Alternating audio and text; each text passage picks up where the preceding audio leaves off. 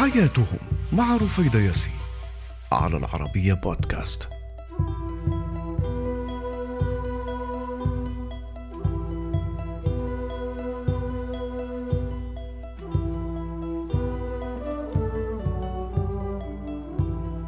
مرحبا أنا رفيدة ياسين وهذه هي حياتهم على العربية بودكاست. الترحال معي لا يحتاج إلى جواز سفر. واليوم رحلتنا إلى أمريكا الجنوبية للتعرف على شعب أوا أو ما يسمى بجواجا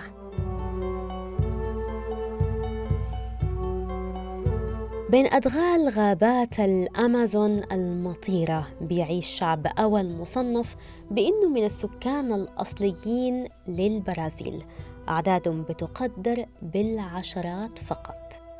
بيعيشوا في عزلة تامة لسنوات طويلة عن العالم الخارجي.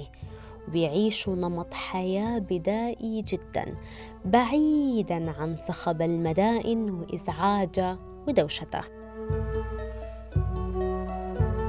شعب أوا بيعيش بشكل خاص في محمية آلتو تورياسو وهي قبيلة بيقال إنها من أكثر القبائل عرضة للأخطار في غابات الأمازون وبيقال إنهم مهددين بالانقراض. حياة هذا الشعب أصبحت مهددة بسبب قطع الأشجار والتعدي على أراضيهم ومناطقهم اللي بدأت بتتقلص مؤخراً. العديد من أفراد القبيلة ما عندهم أي اتصال مع العالم الخارجي ولكن بدأ هذا الأمر يتغير مؤخراً. بسبب الاستمرار في قطع أشجارهم وتدمير غاباتهم والتوغل في مناطقهم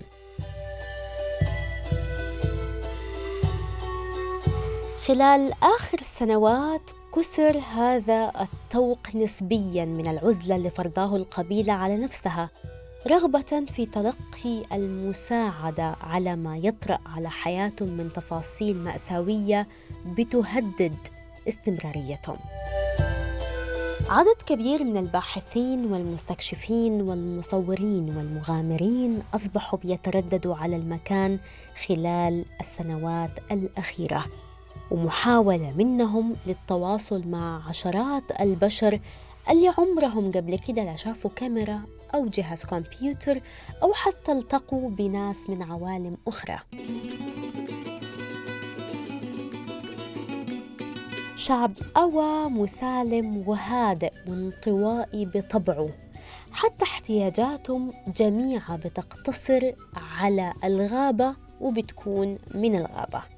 يعني هم ما محتاجين أبدا يطلعوا برا نطاق عالمهم الصغير والخاص. شعب آوا بيتكلم لغة توبي غواراني. بيعتقد إنه شعب الآوا آخر ما تبقى من إمبراطورية الأستك واللي انتقلت قديما جنوبا بعد تدمير عاصمتهم.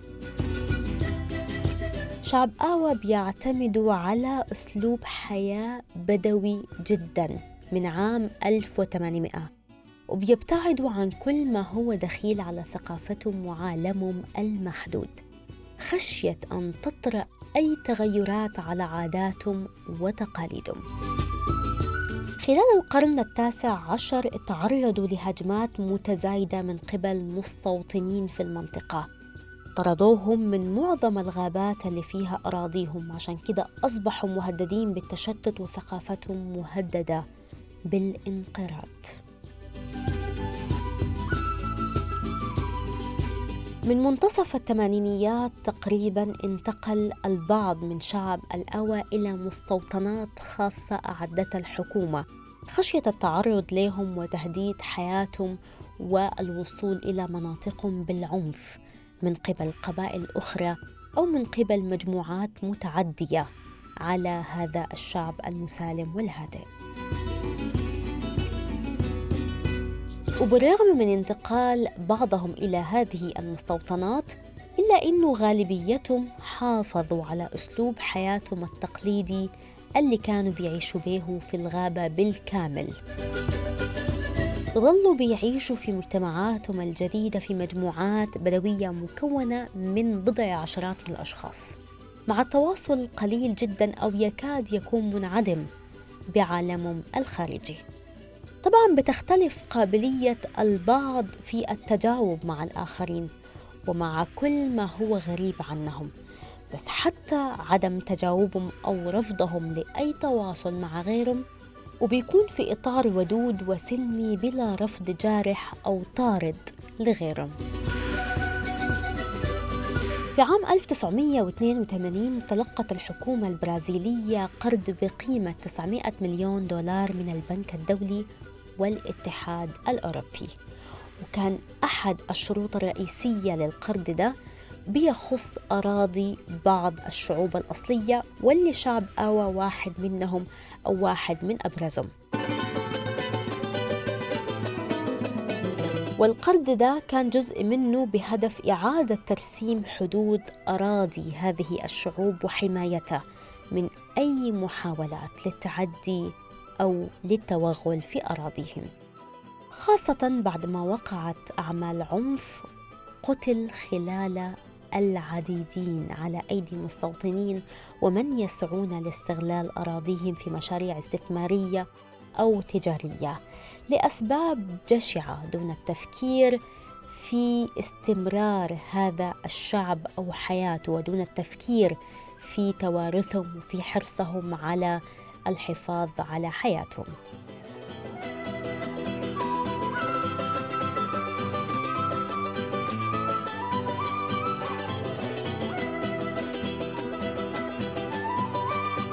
شعب آوا بيعتمدوا على الغابة ما فقط في مأواهم وعيشهم بل أيضا في طريقة هذا العيش.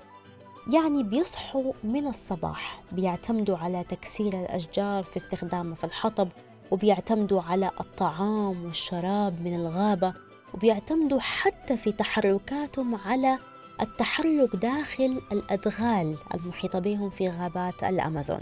عشان كده أعتبر تدمير أشجارهم والتوغل على أراضيهم انتهاكات على نمط حياتهم وعدم السماح لهم بالاستفادة من أراضيهم رغم محاولة الآخرين الأغراب من استغلال مناطقهم وأراضيهم وخيراتهم. وثرواتهم.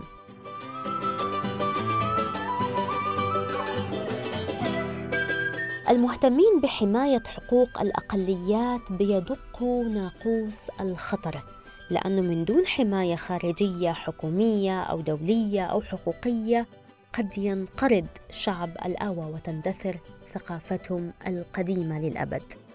وبالرغم من كده بيعتبر الحقوقيون الحكومة البرازيلية غير متجاوبة بالشكل المطلوب وبطيئة للغاية في التصرف بناء على التزاماتها تجاه الشعوب الأصلية في البرازيل.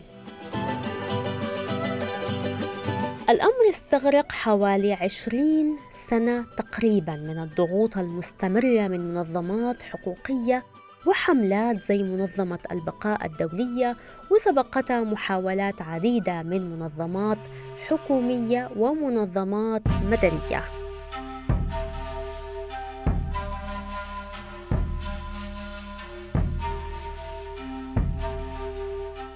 وأخيرا في مارس عام 2003 تم ترسيم بعض أراضي شعب أوا وفي الوقت نفسه أدى التعدي على أراضيهم والانتهاكات اللي ارتكبت في حقهم بس ده ما كان سبب كافي لإنقاذهم. لأنه خلال التعدي على أراضيهم والانتهاكات اللي ارتكبت في حقهم على مدار سنوات أدت بالفعل إلى انخفاض أعدادهم إلى حوالي 300 شخص. حوالي 100 شخص فقط منهم ما زالوا بيعيشوا في مناطقهم الأصلية وبيمارسوا حياتهم الطبيعية بطريقة تقليدية. إلا أنهم مهددين داخل أراضيهم وما بيشعروا بالأمان بسبب تهديدهم المستمر من قبل المعتدين.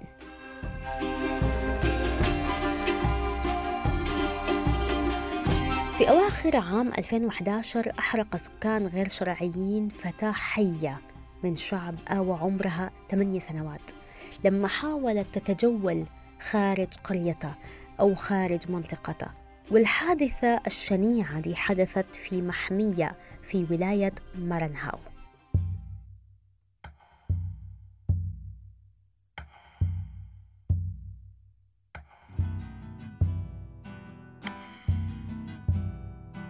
قائد أحد شعوب الأمازون البدائية. اتكلم عن الحادثة دي لحقوقيين ولوسائل إعلام مختلفة عشان يسلط الأضواء على المخاطر اللي بتحدق بهذا الشعب.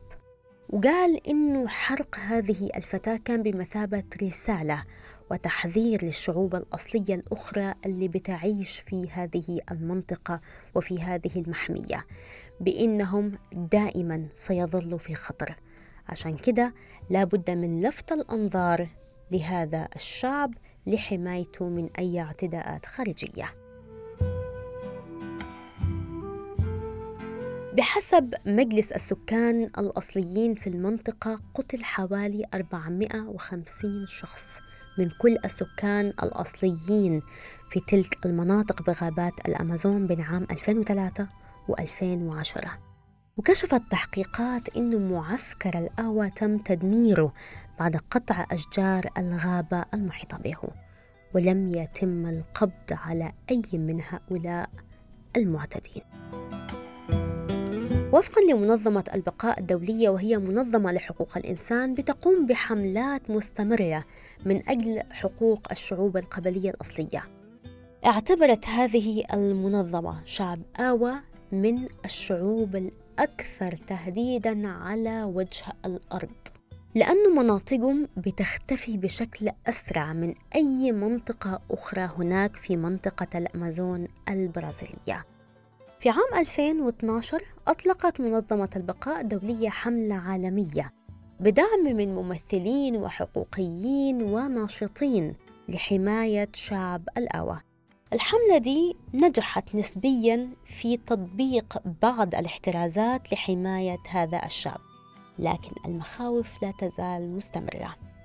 شعب آوا شعب محدود عايز يعيش في سلام في مناطقه دون إزعاج أحد. شعب من أهم طباعه وعاداته وتقاليده الزواج من داخل القبيلة للحفاظ على نسلهم وعلى عاداتهم وتقاليدهم.